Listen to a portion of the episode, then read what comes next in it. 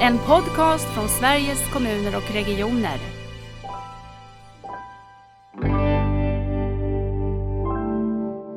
Att det hänger ihop. Att eh, man känner att vårdpersonalen pratar med varandra och att, att man, man samspelar på ett, eh, på ett klokt sätt. Och då tror jag att när man bygger just på det här, det här mer helhetstänket och har, har en långsiktig relation då, då blir det också så mycket lättare att jobba med, med levnadsvanorna och eh, att föra de här samtalen.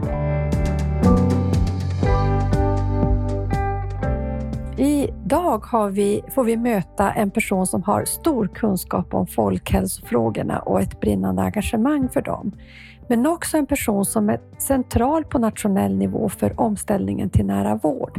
Så jag är så glad att få hälsa dig välkommen Irene Nilsson Karlsson, eh, som är folkhälsoråd på Socialstyrelsen, men också har det här övergripande ansvaret för ert arbete med omställningen till nära vård. Välkommen!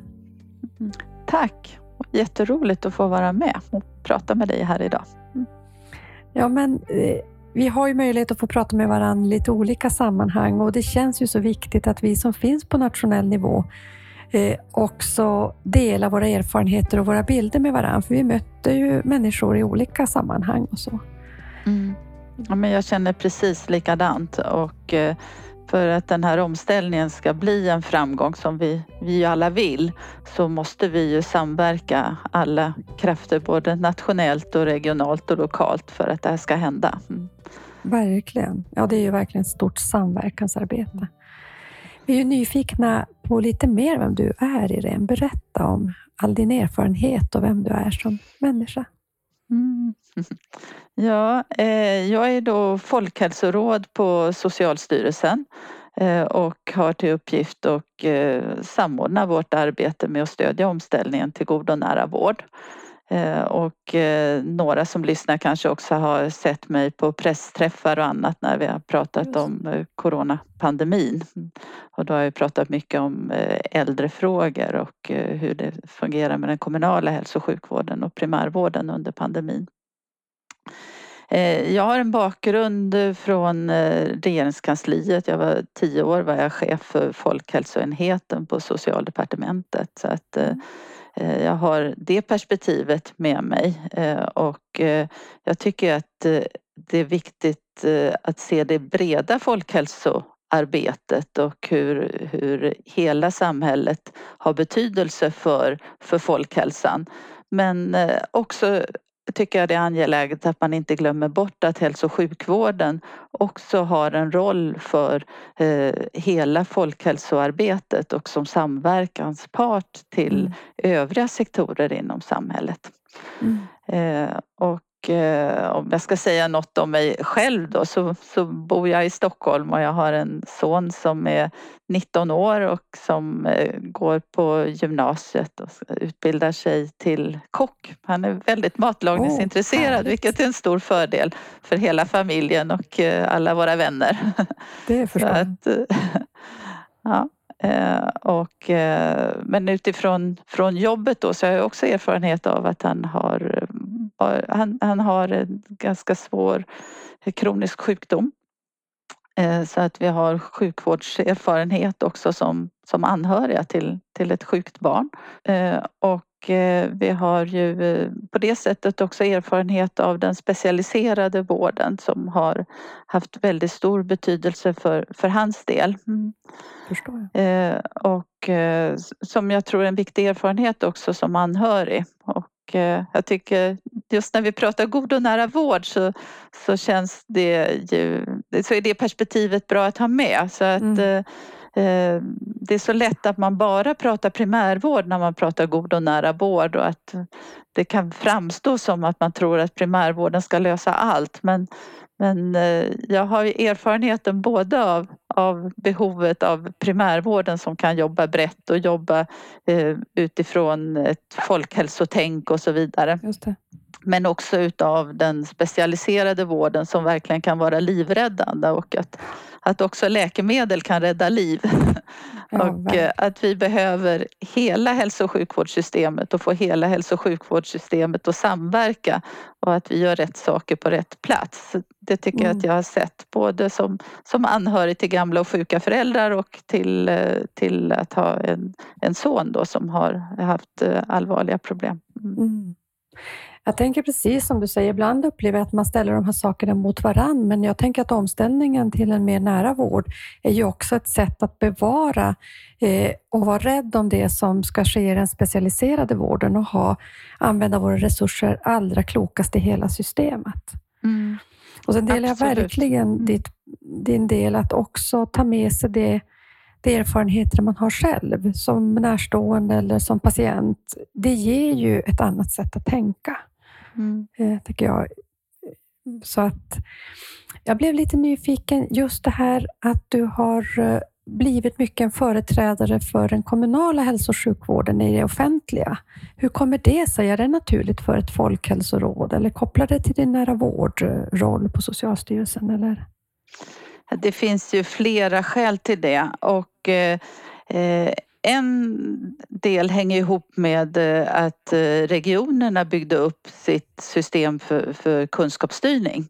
Mm. Eh, och till början med där så var inte kommunerna delaktiga i den, den processen. Och eh, vi har ju på Socialstyrelsen då eh, ett råd för att samverka med andra myndigheter och också med huvudmännen. Och vi fick då signaler tydligt från huvudmännen att man såg behov av att få mer stöd när det gällde den kommunala hälso och sjukvården. Eh, och då ledde jag ett arbete på Socialstyrelsen med att göra en analys av eh, den kommunala hälso och sjukvården och tillsammans med företrädare för kommunerna eh, diskutera och eh, ta fram ett förslag på, på vad vi skulle behöva för, för särskilda insatser och stöd från Socialstyrelsens sida för att stärka kommunerna. Vad kom ni fram till? Den? Mm. Ja, det var ju ett antal olika områden som behövde mm. stärkas och det här gjordes ju då före pandemin. Eh, så att vi såg ju där att man behövde ha mer fokus på, på den kommunala hälso och sjukvården och att eh, kommunerna inte riktigt eh, eh, hade klart för sig vad huvudmannaskapet för hälso och sjukvård alla gånger innebär. Utan mm. man hade ofta ett, ett socialtjänstfokus men inte riktigt såg komplexiteten i hälso och sjukvårdsuppdraget och eh, vad det krävde också utav eh, kompetens och resurser för att kunna göra det på ett, på ett bra sätt. Mm. Sen har vi ju den demografiska utvecklingen där vi ser att det blir fler och fler som äldre och fler och fler som kommer leva med kroniska sjukdomar under en Precis. lång period och som kommer att behöva insatser i eh, både hemsjukvården och på särskilda boenden. Mm. Eh, och vi såg ju där också att de särskilda boendena inte riktigt var, var riggade för de komplexa medicinska behov som de boende har idag som, som bor på särskilda boenden. Mm. Så att eh, det som man har pratat om nu under pandemin och som Coronakommissionen och så har uppmärksammat det hade vi ögonen på i det här arbetet som vi gjorde ihop med kommunerna.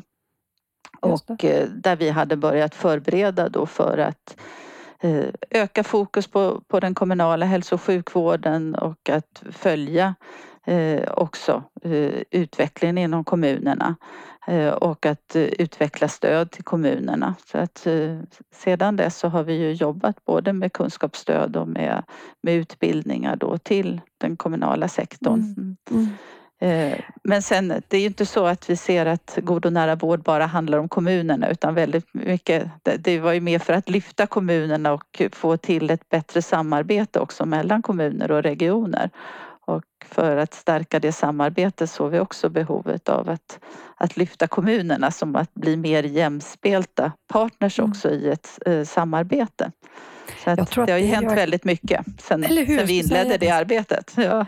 Men visst har det hänt mycket på det mm. området. Jag tror Och sen har vi också din chef som generaldirektör på Socialstyrelsen, Olivia Wexell, har ju sin äldreomsorgslagsutredning, men som också ska titta på med frågor om medicinsk kompetens i, i den kommunala äldrevården blir det ju då. Men, och jag tänker också att det här primärvårdsuppdraget som vi fick, eh, nu måste jag tänka juni förra året, mm. vid halvårsskiftet. Det tycker jag har gjort det mycket tydligare att primärvård, som vi snabbt tänker är en vårdcentral, verkligen är en vårdnivå, att det är ett delat huvudmannaskap. Så jag tycker som du att det har hänt otroligt mycket bara de sista åren runt den här frågan och också runt samverkansfrågorna mellan mm. kommun och region. Mm. Absolut, och det ser ju vi i vår uppföljning också att man har tagit steg framåt där. Mm. Så att, eh, och det dels att man har jobbat med de här gemensamma målbilderna som ju är viktiga förstås, så att man mm. har en gemensam vision varför man finns till och hur man ska samverka där.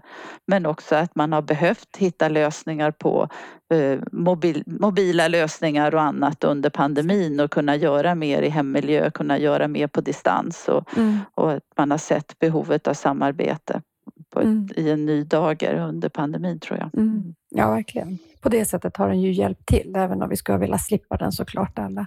Ja. Nu när vi spelar in den här dagen där Sverige öppnar, för det är det vi gör idag.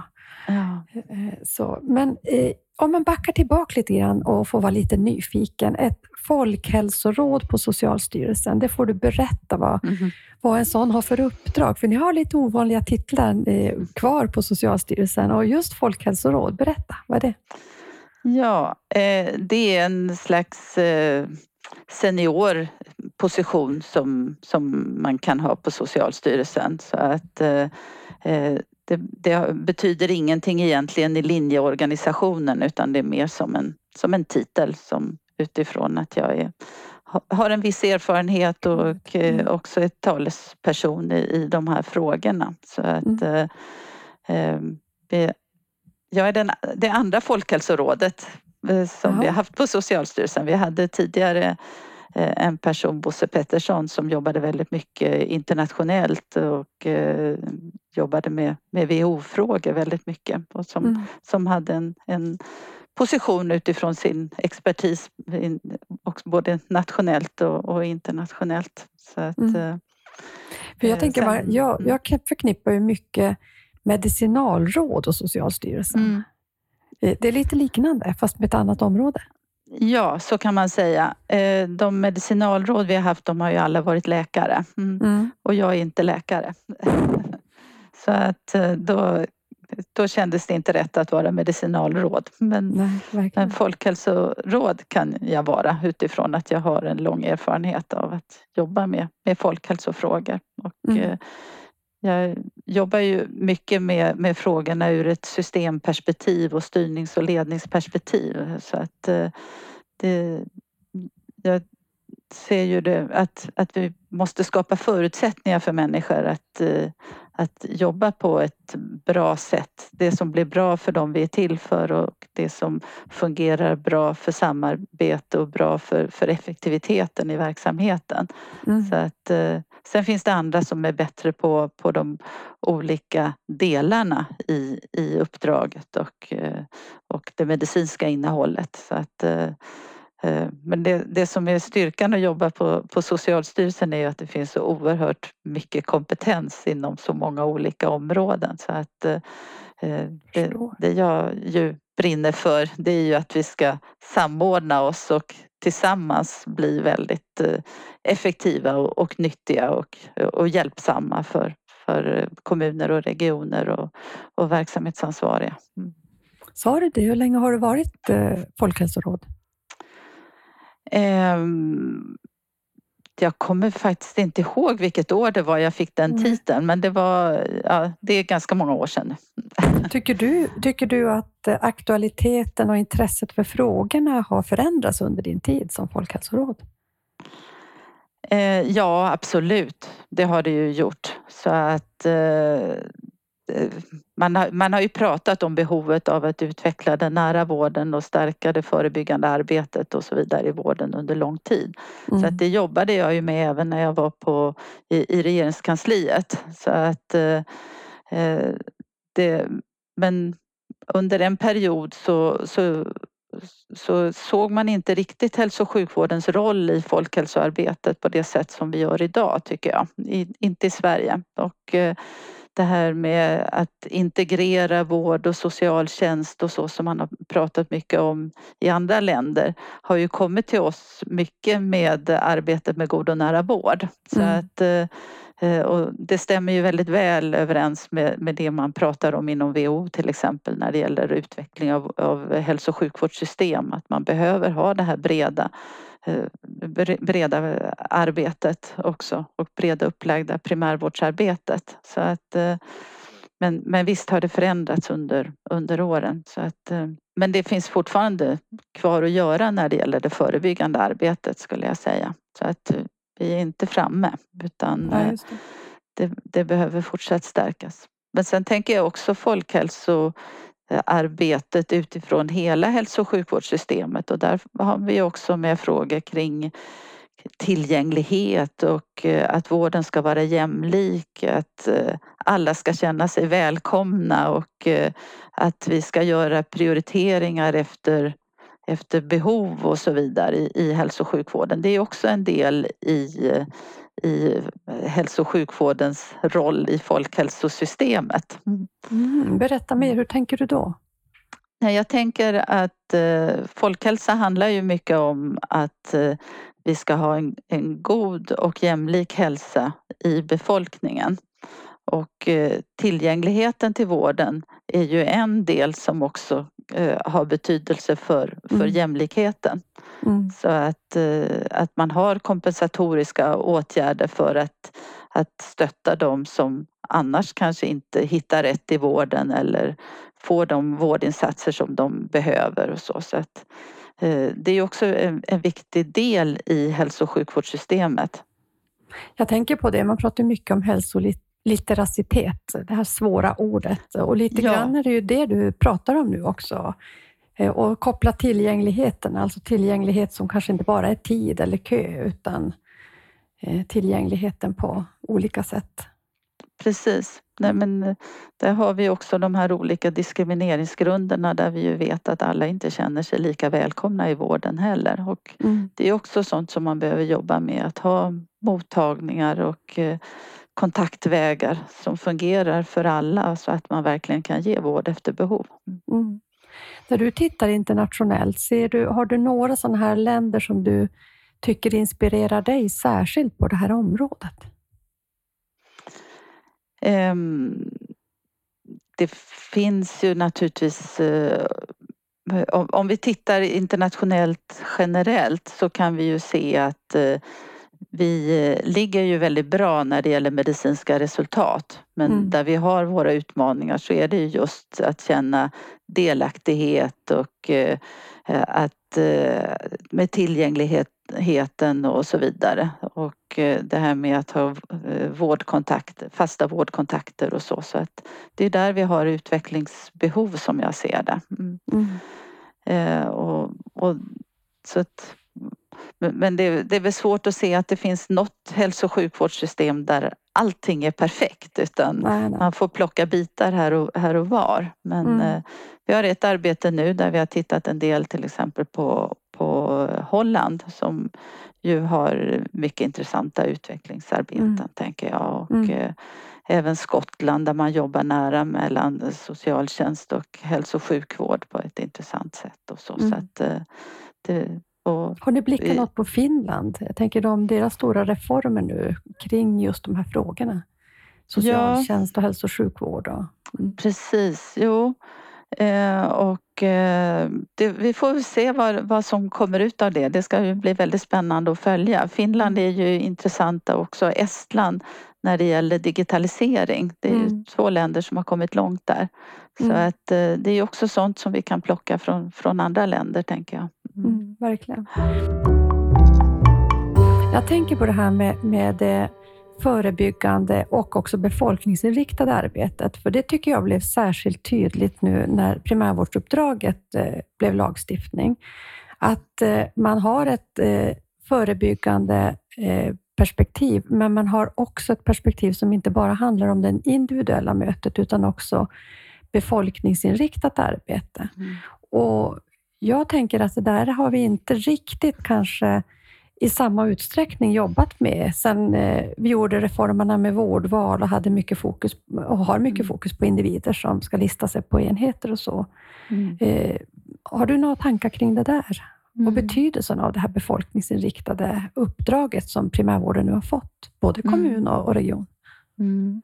Ja, men jag håller med dig. Jag, det här diskuterades ju mycket i samband med vårdvalssystemen att det fanns en risk med att man tappade eh, det befolkningsperspektivet och eh, eh, jag tror ju att det går att kombinera men då måste man ha väldigt tydliga uppdrag från regionerna att det är mm. det uppdrag man faktiskt har, att man också ska jobba befolkningsinriktat.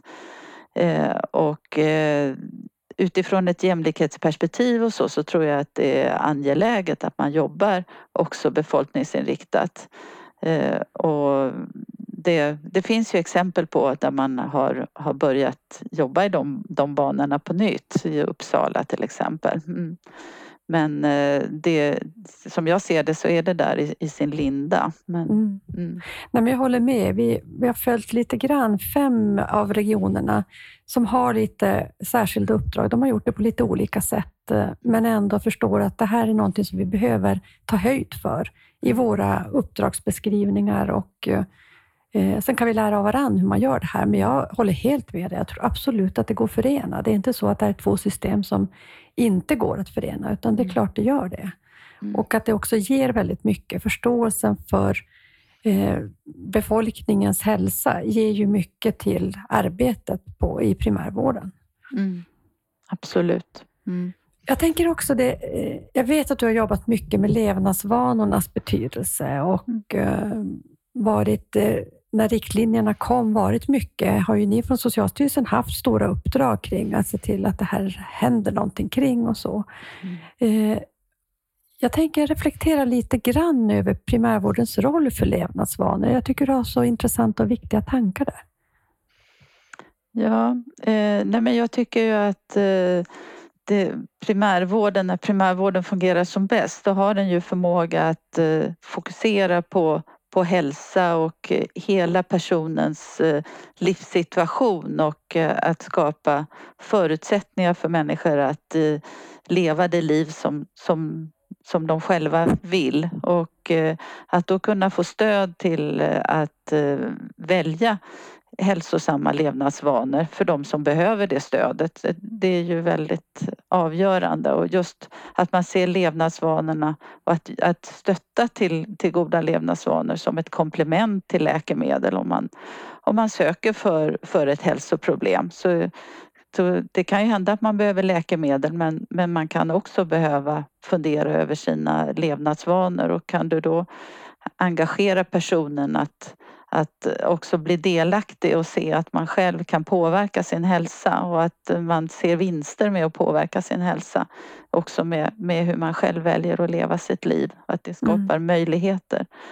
Eh, det, där finns ju en, en potential för, för primärvården. Men det bygger mm. mycket på att man har tid att, att, att ha relationer, att, att ha regelbundna uppföljningar av personer som har kroniska sjukdomar och att man, man får den här regelbundna stöttningen för de som behöver det.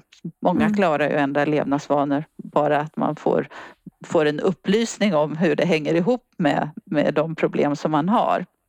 Mm. Det där är också en, en fördom att, att uh, människor är så väl medvetna om vad levnadsvanorna betyder utan får man den informationen kopplad till de hälsoproblem man har så, så ger det ju en annan uh, förståelse för, för hur saker och ting hänger ihop om man får mm. ett sådant samtal med, med vårdpersonalen. Mm. Mm.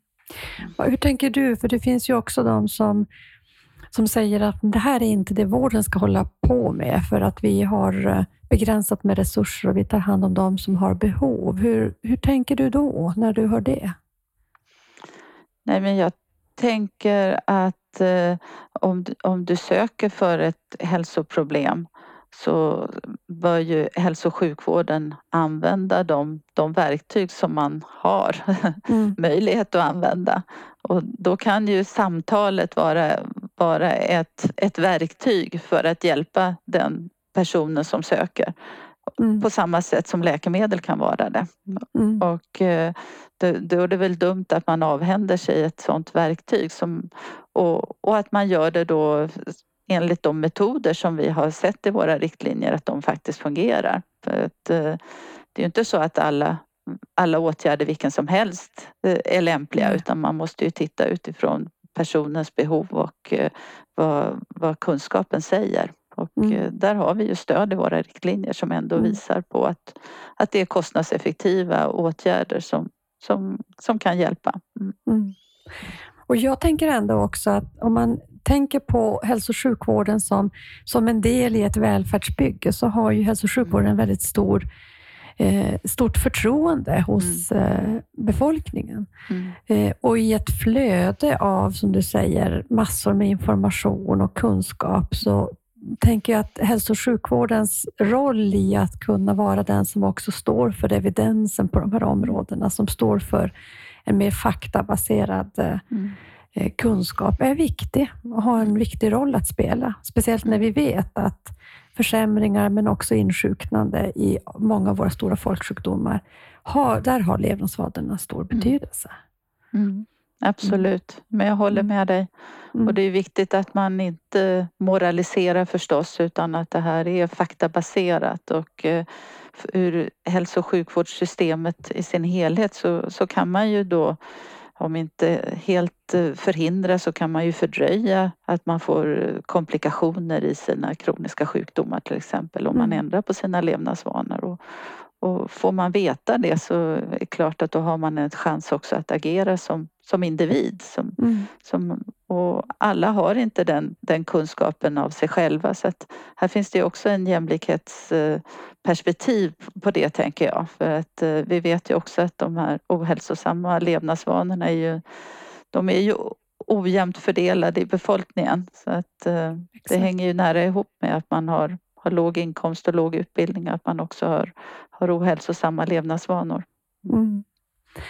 Jag tänker också, jag, när, jag hade, när jag besökte Finland, på tal om Finland nu, och det här sjukvårdssystemet Exote, så hade de ett ganska nära samarbete från hälso och sjukvården med civilsamhället. Så att hälso och sjukvården stod inte kanske för alla insatser, man behövde fortsatt stöd, man behövde vara en grupp för att mm. komma igång med sin träning eller vad det var, utan då jobbar de med civilsamhället. Och jag tänker vi har också ganska mycket potential i att börja samverka mer över gränserna och se mm. hur samhället i stort kopplar ihop sig på något sätt för att mm. stödja en, en god hälsoutveckling.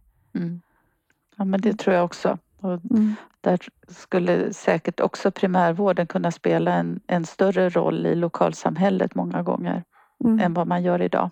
Om man mm. har det uppdraget. Mm. Mm. Jag tänkte, kan inte du berätta lite grann om vi tar mer fokuset på ert arbete för omställningen till en nära vård. Vad, har, vad är Socialstyrelsens roll i det? Mm. Eh, vi är ju en, en statlig myndighet och eh, vi jobbar ju utifrån de kompetenser som vi har, har som myndighet. Så att eh, det är det jag ser som, som styrkan hos oss, att vi har en, en bredd i vår eh, kompetens och vårt uppdrag. Sen det som är utmaningen är ju att vi är långt ifrån verksamheterna så att mm. Eh, det vi kan göra är ju att ge stöd på en ganska övergripande nivå som sen behöver tas om hand av eh, personer i kommuner och regioner som, som tar det vidare och omsätter det så att det kommer till nytta i vårdmötena. Mm. Eh, så därför kanske inte så många eh, märker av direkt vad det är vi gör för att vi, vi har led emellan oss. Men eh, vi har ju en viktig roll att följa omställningen och att utveckla indikatorer för att följa omställningen. Eh, och analysera omställningen och se styrkor och svagheter och hinder och möjligheter och så i, i det här omställningsarbetet. Så att det är ju en viktig eh, roll i sig. Mm. Sen jobbar vi också med eh, att, att ta fram kunskapsstöd till verksamheterna. Mm. Och vi har ju under 2021 har vi jobbat mycket med, med frågor runt fast läkarkontakt. Och har tagit fram stödmaterial till verksamheterna för hur man ska kunna jobba med, med fast läkarkontakt. Mm. Mm. Och vi har också startat upp andra arbeten kring kunskapsstöd till hälso och sjukvården. Både till, till kommuner och till, till regioner. Mm. Sen jobbar vi också med att ta fram utbildningar. Så att det har vi också publicerat ett antal utbildningar som stödjer omställningen till god och nära vård på, mm. på olika ja, sätt. Vilka, ge lite exempel, vad är det för utbildning? Ja, apropå det vi har pratat om tidigare så har vi ju ett ut, utbildningsmaterial kring hur man kan jobba med med eh, levnadsvanor och det förebyggande arbetet och hur man kan jobba med förändringsarbete kopplat till, till levnadsvanor. Eh, ett annat eh, utbildningsmaterial vi har tagit fram handlar om hur man kan jobba med uppföljning med hjälp utav KVÅ-koder och ICF-koder. Det är de här mm-hmm. koderna för vårdåtgärder och koder för funktionsförmåga. Eh, och eh, de, när det gäller KVÅ-koder så ska man ju rapportera in dem till det kommunala hälso och sjukvårdsregistret och här är ett mm. stöd då hur du kan använda det här materialet i ditt eget eh, utvecklingsarbete. Så att det är ett annat exempel då på, på ett sådant utbildningsmaterial som, som vi har tagit fram. Mm. Om de som lyssnar och tänker att det där lät intressant, var hittar man det där? Är det lätt att hitta hos er?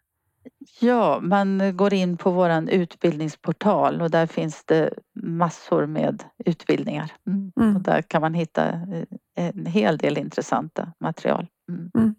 mm. Och sen har vi också byggt upp en särskild plats på Kunskapsguiden. Mm. Det är ju vår webbplattform som vi har tillsammans med också andra myndigheter och SKRs material har vi också en hel del av där. Eh, och eh, där har vi ett särskilt område för god och nära vård och har tagit fram särskilda teman som beskriver just omställningen till god och nära vård mm. ur olika perspektiv som, som är ett stöd för, för verksamheterna ute. Mm. Mm. Ja, den är väldigt eh, fin tycker jag, er kunskapsguiden och man hittar just på god och nära vård. Så. Där har ni gjort ett ganska stort arbete tror jag under förra året va?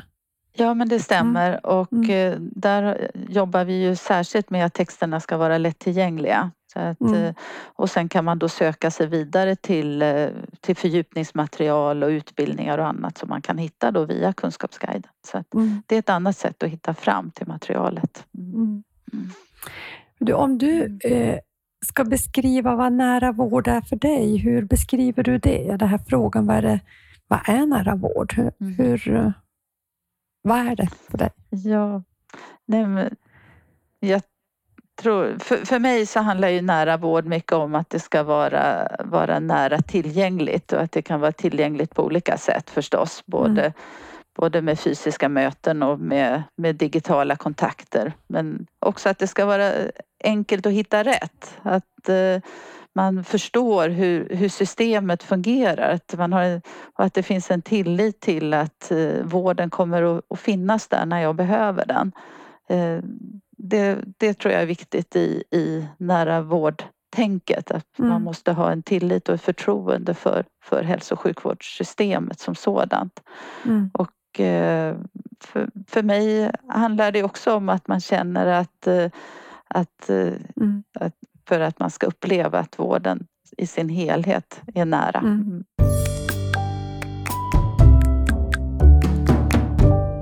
Ser du några sådana stora områden som du tänker att här skulle man behöva ändå göra större förändringar om man säger för att det här ska bli, bli uppfattningen, bli eh, känslan, bli tryggheten, tänker jag också att veta att det finns där när jag behöver den. Och så. Vad, vad tänker du är, finns det några nycklar som du ser eller har tittat på under den här tiden?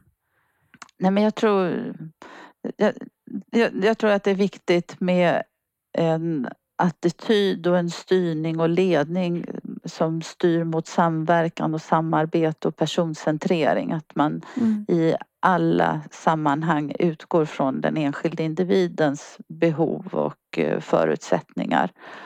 Eh, och att du har en kultur som, som gynnar samverkan och att eh, man undviker att bygga in stuprör och att man får konflikter kring kostnader mellan olika enheter och så vidare utan att man, man skapar förutsättningar för vårdpersonalen att samverka över gränserna. Mm. Mm.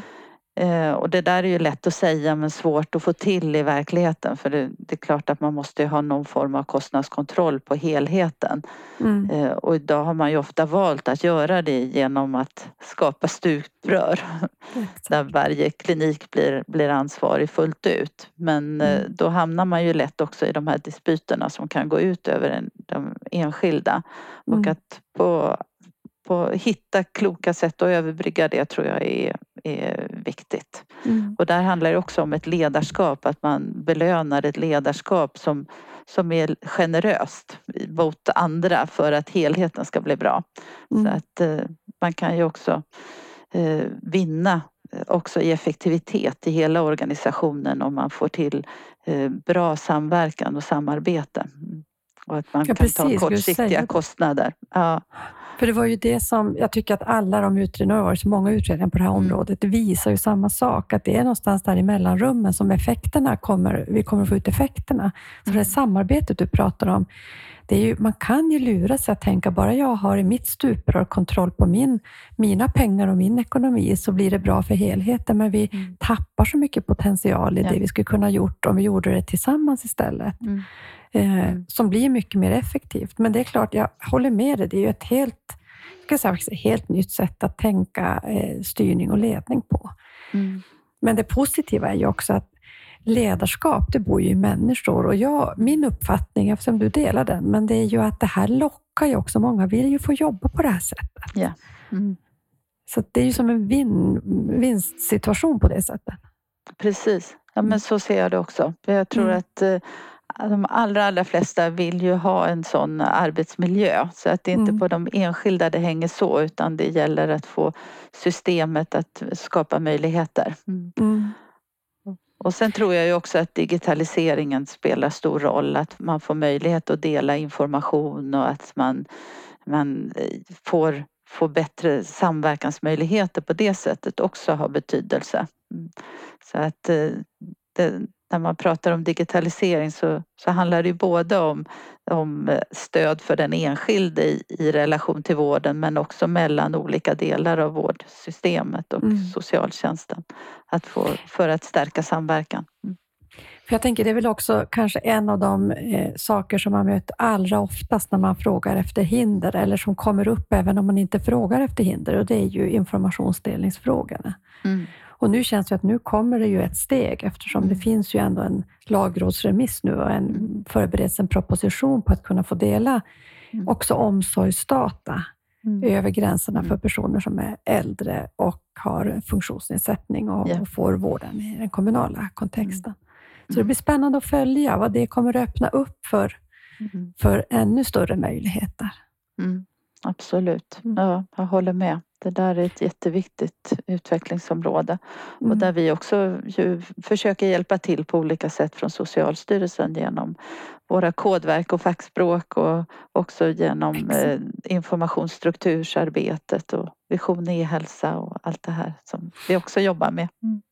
Och det är ju stora mm. frågor som mm. är så viktiga, för det är klart, vi mm. kommer ju inte kunna förstå varandra om vi pratar olika språk. Så hela det där terminologiarbetet eh, är ju ett stort arbete som ibland ja.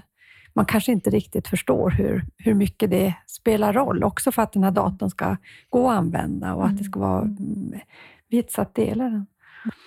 Jag tänker om du fick koppla på det här eh, folkhälso och eh, preventiva perspektivet och drömma lite grann om den nära vården. Om vi säger fem år bort, vad tänker du har hänt då?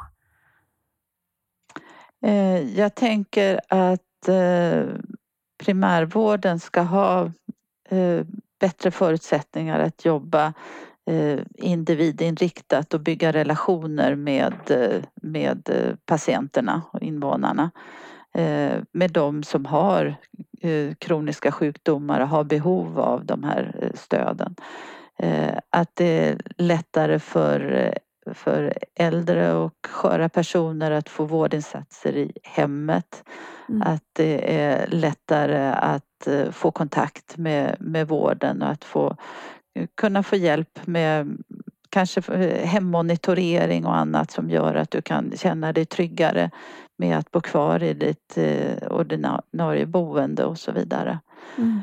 Eh, och också att du har ett bättre samspel mellan primärvården och den specialiserade vården så att eh, att vi har kommit ett steg till när det gäller att få till de här trepartssamtalen mellan primärvård och specialiserad vård och patient som, mm. som kan bli ett lärande för alla inblandade. Mm. Mm. Det, det, hoppas jag på. Mm. Ja, och då tror jag att när man bygger just på det här, det här mer helhetstänket och har, har en långsiktig relation då, då blir det också så mycket lättare att jobba med, med levnadsvanorna och eh, att föra de här samtalen som kan, kan stödja personen att, eh, att eh, leva det liv som, som personen vill. Mm. Jag tänkte när du sa de här områdena, så här dun, dun, dun, du, precis ringa in viktiga områden och tänkte att ja, men det är ju där vi ska följa också. Det är där mm. den där utvecklingen. Blir det mer hemma för de sköra? Blir det mer relationellt? Mm. Blir det mer av levnadsvanor och eh, preventivt arbete? Att, att bara egentligen kunna hitta några av de nycklarna så, mm. så kan vi känna att omställningen går åt rätt håll. Ja. Irene, eh, tiden eh, börjar eh, rinna ut. Är det någonting du skulle vilja prata om som vi inte har tagit upp? vi har ju pratat om jättemycket spännande frågor. Det, jag tror vi har väl svept över mycket av det som, som vi jobbar med tror jag. Mm. mm. Så det är inget så specifikt som jag tänker men möjligen då kopplat till det här med, med samverkan att det är viktigt att vi samverkar på alla nivåer. Att jag är väldigt glad åt att vi har det här goda samarbetet mm. med SKR och med, med ditt team och mm. eh, också med eh, kunskapsstyrningsorganisationen och med eh, de regionala samverkans och stödstrukturerna mm. i kommunerna och, och, att vi tillsammans kan eh, stödja den här förändringen. Så att mm. Eh, det här är verkligen någonting där, där vi alla måste bidra med utifrån vår, vår kompetens och vår roll. Mm. Jag kan bara hålla med och jag, mm. jag tänker att eh, vi kan inte bara förvänta oss att det är verksamheterna som ska samarbeta med varandra, vårdverksamheterna, utan mm. det måste vi göra på alla plan. Och mm. det, det tycker jag är otroligt viktigt. Så jag, jag delar verkligen din bild där. Jag tänkte, Irene, du var inne på lite grann det här med eh, vad nära är, men jag tänker ändå att vi avslutar med den frågan om du kort säger vad är nära för dig? Nära är att ha tillit och eh, tillgång till en god hälso och sjukvård som ser mig som, som människa. Mm. Oh, det var fint sammanfattat. Tack så mycket för att du ville vara med i Nära vårdpodden. Mm. Stort tack för att jag fick vara med.